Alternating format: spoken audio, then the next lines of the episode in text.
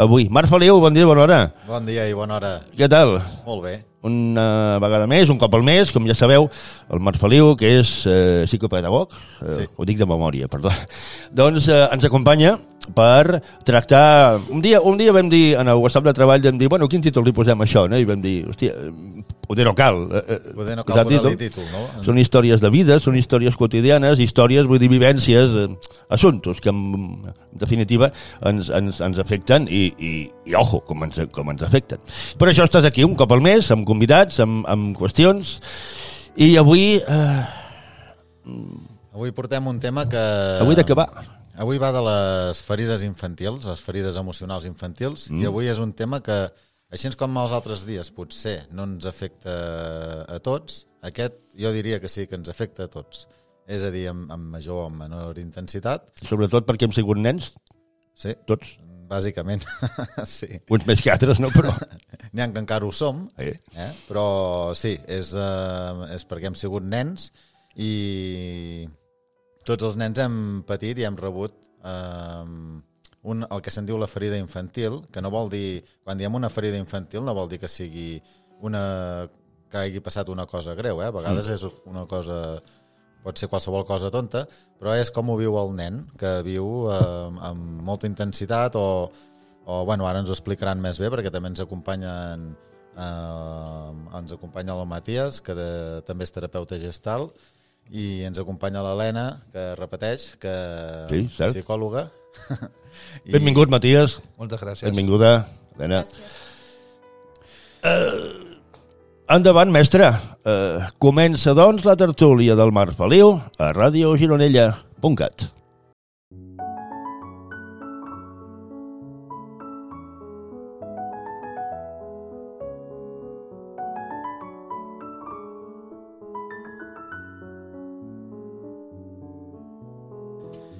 Bé, doncs, bon dia i benvinguts. I com estàvem dient, avui parlarem de les ferides infantils, les ferides emocionals infantils, més ben dit. Podríem partir de que, eh, segurament de, des de diferents autors, però eh, si ens basem en la Lis Borbó, parteix de que hi han cinc ferides emocionals infantils. Aquestes són el rebuig, l'abandonament, l'humiliació, la traïció i la injustícia.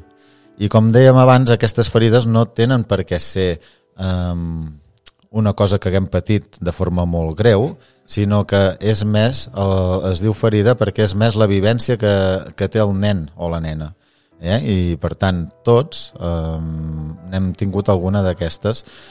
La podem tenir en major o en menor intensitat perquè hi haurà qui haurà patit des de algun tipus d'abús fins a la fins algú que no haurà tingut cap mena d'abús o, o, o tema així més greu, diguéssim, però, però tots patim aquestes, alguna d'aquestes ferides que, és les, que ens acompanyen tota la vida si no les treballem.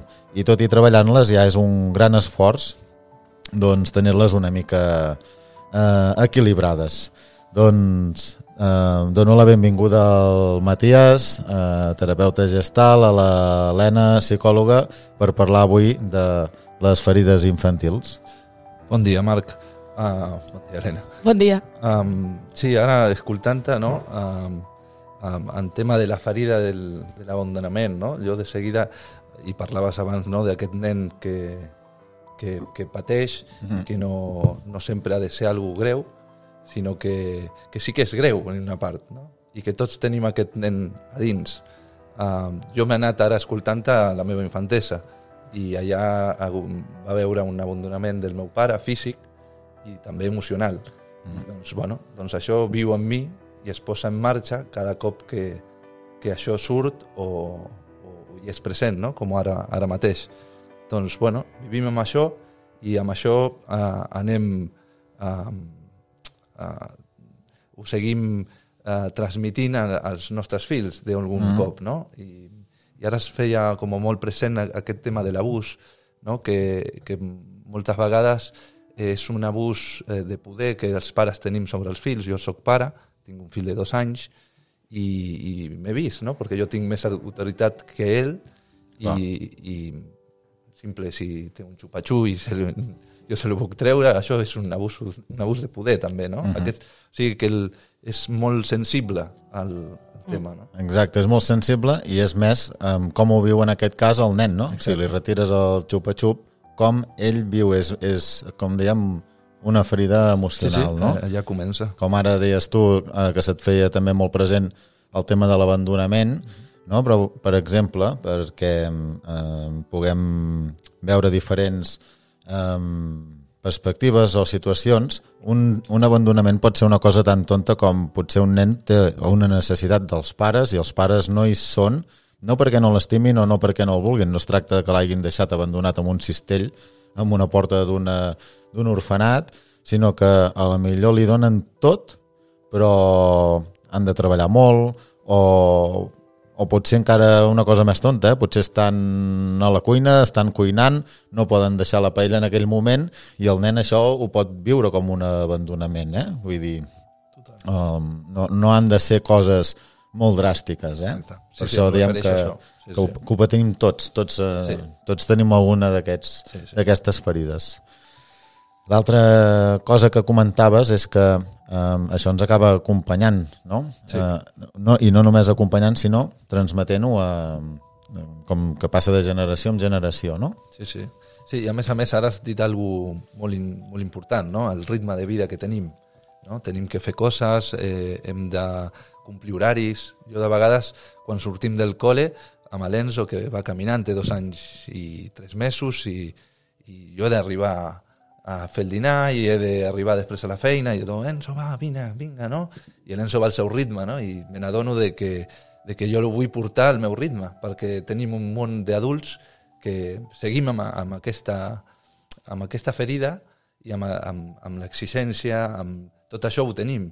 I, i doncs, bueno, doncs ho transmitim d'aquesta manera, no? I crec que és molt difícil eh, per tothom a fer-ho d'una manera diferent. Per mi és molt difícil, molt, molt difícil. I, I això ja va generant una ferida en el meu fill i segurament que ell ho farà millor que jo també, jo l'acompanyaré uh, i crec que el primer pas és adonar-se, no? El que sempre fem en la teràpia gestal és adonar-nos, era abans de, de, de, de, de que es digui teràpia gestal, era la, la teràpia del donar-se compte, no? Doncs és el primer pas. I tot i així, després fer alguna diferent uh, també és un procés, no? Clar, i a més a més és, és que justament aquesta ferida de, la, de les que estem parlant són ferides molt cegues, és una ferida molt nuclear i que cegues em refereixo a que ens costa molt eh, a un mateix de veure'ns aquesta ferida perquè també eh, ens genera un patró, no? Um, un patró amb el que anem amb el que després anem a la vida i aquest patró eh, a vegades no, no, no ens encaixa. Jo faig que a vegades el símil explico de que és com si, per exemple, un dia plogués molt fort i, i estigués tot enfangat i jo em mullo les bambes, a les sabates, eh, agafo un refredat, em costivo i aquell dia hagués après que he de portar unes catiusques, unes botes, i a partir d'aquell dia me les poso cada dia, perquè així sé que, que si plou o està enfangat, doncs no em tornarà a passar el mateix. És una manera de protegir-me gràcies a la por. Llavors, és, um, si cada dia vaig amb aquestes catiusques, amb aquestes botes, arribarà un moment en què bueno, doncs potser no transpiraran bé, se'm faran llagues, eh, se'm faran fongs, no? i vull dir que al final em porta unes dificultats allò que, amb allò que m'he volgut protegir. Mm, com ho veiem això d'adults? Què ens comporta d'adults això? Clar, aquí eh, penso que és molt important el que deia el Matías de que bueno, estem tota la vida amb aquesta ferida i no la veiem. I llavors quan ets, jo sóc mare també i quan veus el teu fill que constantment t'està mirant, que ho veu tot de tu i et fa aquest reflex perquè a vegades el que diem, no, l'aprenentatge de, de petits és l'aprenentatge vicari, el que aprens és del modelament, no? I, I clar, quan veus que repeteix coses teves i te n'adones, aquí és molt freqüent, si no ho hem vist abans, que comenci a despertar-se aquesta ferida, aquest nen intern, perquè el nen interior teu està reflectit a través del teu fill. Llavors aquí és que el, el gran viatge de la maternitat i paternitat, no? Llavors, eh, què important és eh, identificar aquest nen que viu dins nostre i saber que hi és i donar-li presència, que important és aquesta presència que potser no ens han pogut donar, no? el que dèiem, mentre fèiem el sopar i els pares no han pogut estar o, o nosaltres ho hem percebut així. Llavors jo crec que eh, una manera molt important de, de connectar amb aquest nen és fer-lo present i nosaltres com a adults estan allà. I els fills ajuden molt, però si no també és molt important eh, poder fer-nos presents amb aquest nen petit que portem dins quan el que deia el Marc, quan tenim por, quan tenim algun moment, perquè si no, eh, de petits ja actuem amb mecanismes de defensa, que són els que ens han ajudat a sobreviure a com hem percebut aquesta ferida, i clar, ens poden ajudar, però a la llarga són cuirasses que l'únic que ens fan és impedir-nos poder seguir vivint, i llavors aquí hi ha com una contradicció constant.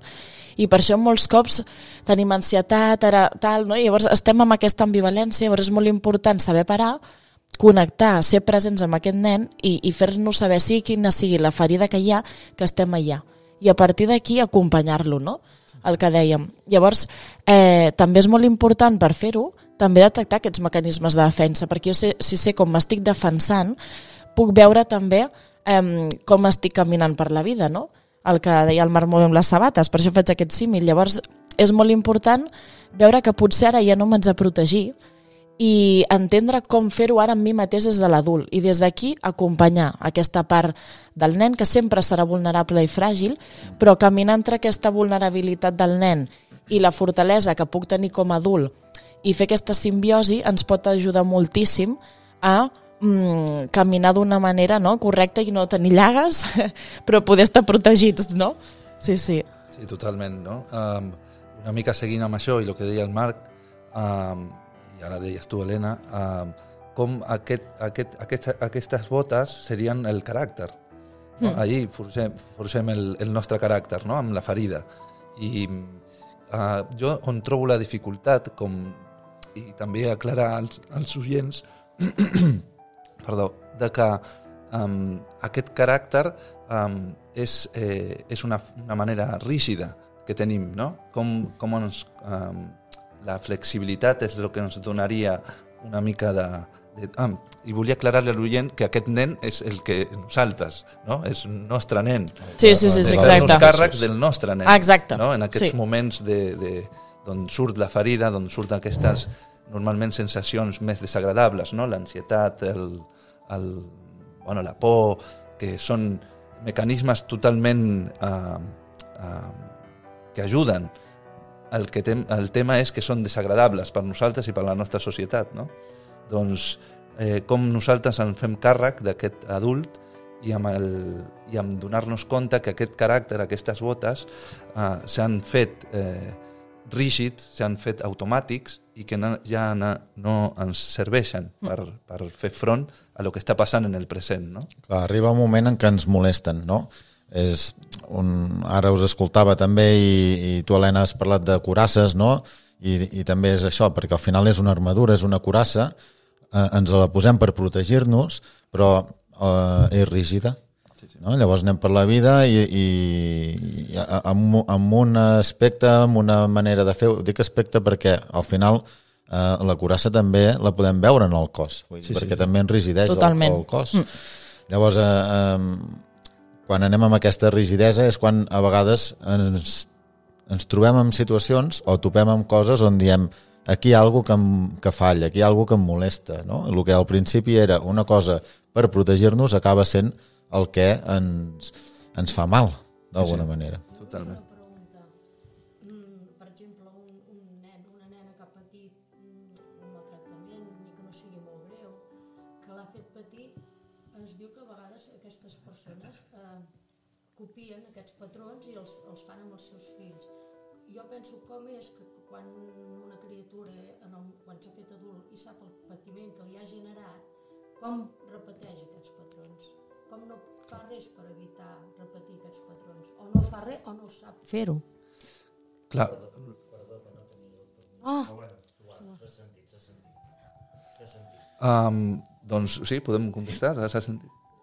Sí, el tema la, la Ramona ens preguntava... No, ja ens... no que, que jo us demano que els, els nens o nenes que han patit maltractaments de, del tipus que sigui, eh? psicològic, físic, sapiguent el que, el que ells han patit, com és que quan són adults de vegades no poden evitar repetir aquests patrons amb els seus fills. Clar, jo per mi, mira, um, crec que hi ha una part del, del donar-nos compte uh, que és molt important, però si jo me n'adono, per exemple, jo sóc pare de fa dos anys, dos anys i tres mesos, doncs jo veig com amb actituds d'ell em toca la meva ferida i jo reacciono. Però jo m'estic adonant ara, però jo tinc 39 anys. Jo he viscut amb, aquest, uh, amb aquesta part que no me l'ha detonat cap com ell, um, sense veure-la. Doncs ara tinc 39 anys i m'estic adonant fa ara un any que ja comença no, a fer a anar a la seva, doncs, bueno, jo això ho porto a dins 30, 38 anys, m'estic adonant ara. Doncs és un procés. De vegades no ho sabem fins a que no ho vivim.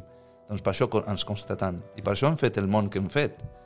I perquè no tenim molts espais per mostrar-nos, com ho diu el Marc, vulnerables, um, amb, la, amb la ferida oberta. Tots anem... Eh, com estàs? Ah, tot, tot bé, tot bé. Sí, anem fent, no? No, no, no, no ens mostrem aquesta part. Doncs, bueno, si ja nosaltres com a adults no ho tenim, eh, com, ho- com, ho- com ho farem per donar-se als nostres fills? Doncs hem de crear espais, nosaltres com terapeutes, com, no? per, per començar a, pues, a practicar, per després a fora pues, anar una mica més um, sincers realment amb, amb el que ens està passant. I de vegades no ho sabem, per això diem que és l'ofuscament de la consciència. Clar, perquè el que fem és, eh, clar, allò encara que hem vist i que l'ànima sap, no? perquè una part de nosaltres que sap que allò no és, no, no és correcte quan hem patit un abús o un maltractament, com és el que hem vist que és el normal, hem après des de que allò és la nostra normalitat de petits i no hem vist una altra cosa, um, ho repetim, si no fem un treball o no ens n'adonem i no som conscients o no ens passa alguna cosa que ens fa un canvi, alguna ruptura biogràfica després de dir ostres, aquí això ets de fer-ho diferent, o fins i tot hi ha gent que quan és pare eh, diu jo no vull fer el mateix que em van fer i automàticament eh, ja el seu canvi, la seva intenció ja fa que tot vagi diferent, encara que clar, també ha d'haver-hi un treball i un espai, no? Però clar, és que es normalitza. Jo, si de petit he vist un, una família, he viscut en una família disfuncional um, i m'han maltractat, malgrat això dins meu sap que no està bé, jo allò és el que he viscut de normal.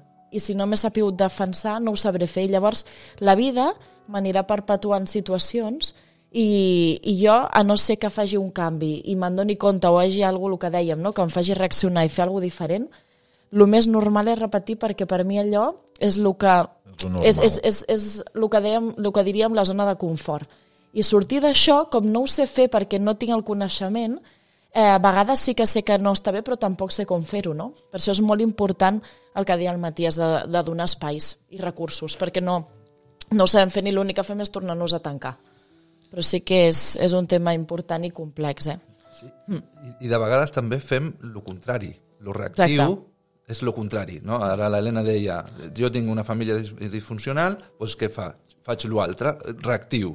I clar, no tenim, jo crec que el, el problema, i jo, el primer, eh, la, la mancança de la creativitat, no? que és, lo reactiu no és creatiu. Eh, tot i així que va, eh, sí, és com algo diferent, però clar, tampoc arriba a ser, o sigui que és tota una feina, no? és, és, és un procés i, i d'anar descobrint, de, de deixar-se sorprendre també sobre les capacitats que tenim a dins, que té aquest nen ferit que tenim a dins. Exacte. Ai, Mm. eh, hi ha una frase que m'agrada molt, que és al costat de la ferida eh, està el don. Però hem de mirar aquesta ferida amb amor, hem de mirar de què fem amb, amb aquesta ferida, de posar-li molta consciència, per després trobar el don, que ho tenim tots. Clar, és la, la mateixa moneda, no? Són les dues cares de Sí, la, la mateixa exacte. moneda. Um, hi ha una cosa que, que heu dit, bueno, vull dir, i clar, el, el tema també ara amb això que deies tu, Matías, i, i tu, Helena, és que fins que no coneixem d'altres maneres de fer, o moltes vegades per això topem um, amb una parella que ens fa veure molt més aquesta ferida, i si no després els nostres fills, no? Perquè Uh, si nosaltres hem crescut d'una manera pensant que allò és lo normal i que tothom ho viu igual, que, que com em tracten a mi a casa és com tracten a tothom, fins que no vaig descobrint que hi ha nens que els tracten de d'altres maneres o que la meva parella l'han tractat d'una altra manera i, i em surt a mi el patró perquè és, és que això ja ho tinc a dintre i ho he inte- interioritzat i ho he integrat Eh, és, a vegades és fins allà que no me'n puc adonar d'això, no? I llavors l'altra cosa que deies tu, Helena, també, que penso que és molt interessant de comentar, és que com que generem aquest patró, eh, sovint anem per la vida i sempre anem picant amb la mateixa pedra. És com si que ja no saps fins a quin punt sempre et trobes amb el mateix, és com dir, si jo sóc gafe i sempre em passa això, o és que és la meva manera que he après de, degut a la meva ferida, que sempre em topo amb que, eh, no sé, per exemple, si la meva ferida és l'abandonament, em sento que els meus amics m'abandonen i després eh, faig coses i la meva manera ja de ser pot ser que inclús faci que els altres reaccionin d'una manera com de, de, de, de separar-se de mi, no? El tema és que jo ho veig com un abandonament. Llavors em trobo amb la parella, també em sento que m'abandona. Vull dir, um, sempre anem repetint aquests patrons, no? Sí, yo creo que aquí lo que, eh, lo que n'hi ha és um, el tema de l'autoregulació no? Organísmica, organísmica. Doncs tot el temps nosaltres estem fent alguna per sanar aquesta ferida. Conscient o, in, o, o inconscientment. I jo diria més inconscientment, diríem en gestalt, al fondo, no? Doncs eh, generem una, una realitat per sanar doncs aquesta, aquesta, aquesta és el, eh, tota l'energia està posada en sanar. Hem vingut per això, per Mm. viure bé, per estar en pau, per, per disfrutar, per plaer, però clar, això es va trencar una mica, no? es va troncar. Doncs eh, per això jo crec que eh, ja has nombrat el tema parella, no? i sempre est- estem eh, repetint perquè fins a que no, no puguem eh, aprendre de, a fer-ho diferent, pues anirem pel mateix camí. I ho creiem, ho, nosaltres lo mateixos lo, lo, lo, lo creie, creiem, lo, Ho creem, lo sí. Creem, sí. No? sí. Doncs seria això, per mi, per, per, per, seria la meva resposta racional. Eh? Clar, és que de fet ho vivim com algo sempre molt dolorós, no? però si ens ho aprenem a mirar d'una altra manera, en el, en el fons és un avantatge que ens, aquest dolor, perquè ens està avisant, ens està dient, ei, aquí hi ha alguna que no va bé, aquí hi ha alguna que, que has de mirar, que has de treballar i, que, i, i per estar més bé, no? Uh, us volia fer una pregunta. Uh, nosaltres ens considerem que tenim la, la societat del benestar, que estem molt bé, que els nostres infants estan molt protegits i, i mires d'altres països del món i dius, ah, som uns privilegiats. Però creieu realment que, que tots els nostres infants eh, tenen, estan totes les seves necessitats emocionals cobertes? Jo penso que mm, potser sí que diria que hem avançat amb el temps, però que falta moltíssim. I hi ha una cosa molt important, és que si ens eduquessin des de petits amb les emocions, si a l'escola ens expliquessin, que, que, només que ens expliquessin lo bàsic, no? i sapiguéssim que les emocions són normals, com relacionar-nos amb elles i que so, es poden compartir, som sers relacionals, necessitem compartir. I els nens de moment no, no se'ls no se està ensenyant a que mm, han de compartir, han d'expressar, ni entre ells ni amb els pares, no? Però és que És primer molt de tot això potser és la família. Ah, hi hem exacte, de deixar, de de deixar que expressin el dolor, la tristesa, la ràbia, les emocions, que les treguin. que quan un, un nen plora sempre se diu no ploris. Sí. Sempre, sempre, i no és plora, no és, és deixar l'espai. És molt important deixar l'espai, perquè si no el que acaba passant és el que dèiem ara, que es van repetint les coses, però clar, les coses quan es van repetint també hem d'intentar veure que cada cop que repetim um, aquesta situació d'abandó com la visc, és una oportunitat per fer alguna diferent, no? perquè si tu no canvies, no canvia res, no ho hem d'atribuir sempre a l'exterior a que les coses de fora canvin, sinó és un mateix, no? i veure com que cada relació, cada situació és com fer una capa més per anar-me trobant a mi i anar sanant aquesta ferida, no? Però clar, si ho treballéssim des de l'escola, des de al principi de tot seria, hi hauria la ferida sempre, però seria molt més fàcil gestionar-la. Um, hem d'anar tancant perquè ens queda molt poc temps i jo per tancar el que us voldria demanar perquè penso que pot ser molt interessant pe, pels nostres oients és um, què podem fer per sanar o per curar aquesta ferida així a modo de res una, una petita frase de cada un Sí, jo crec que una mica abans de la pregunta que feies, eh, com es diu? Ramona Ramona, la que feia la Ramona i que contestava també l'Helena, crec que al final seria com nosaltres, eh, seria, la pregunta seria, som feliços nosaltres? Doncs quan nosaltres puguem, eh, pogués, puguem eh, podrim, eh, llogre, logrem ser feliços realment, amb, els fills nostres seran feliços. Doncs, I jo crec que quan ens mirem als ulls, quan anem a la feina, quan el que sigui, doncs no, jo no trobo molta felicitat, ni a dins mi, meu ni fora. Doncs aquest és el, el, el termòmetre, no?, d'anar fent alguna diferent. Jo el que diria que ho he dit al principi és la presència, amb un mateix, donar-se espais, estar amb un mateix i, i donar presència als que, a, a, amb qui compartim, no? Perquè la presència és, és la clau a vegades, el saber estar de moltes de solucionar moltes coses. Estar atent i escoltar-se, mirar-se en comptes de- d'escabullir-se i voler-se distreure amb d'altres coses, no? Al final és, com deies tu, Matías, abans, és el donar-se, no? A- a- El, el que ens, ens va il·luminant i el que ens ajuda a saber quin camí és el que hem de fer, no? Donar espai, sí, donar-nos espai per Confiança, això. i I confiança. Molt bé, doncs moltes gràcies a tots i fins aquí la tertúlia.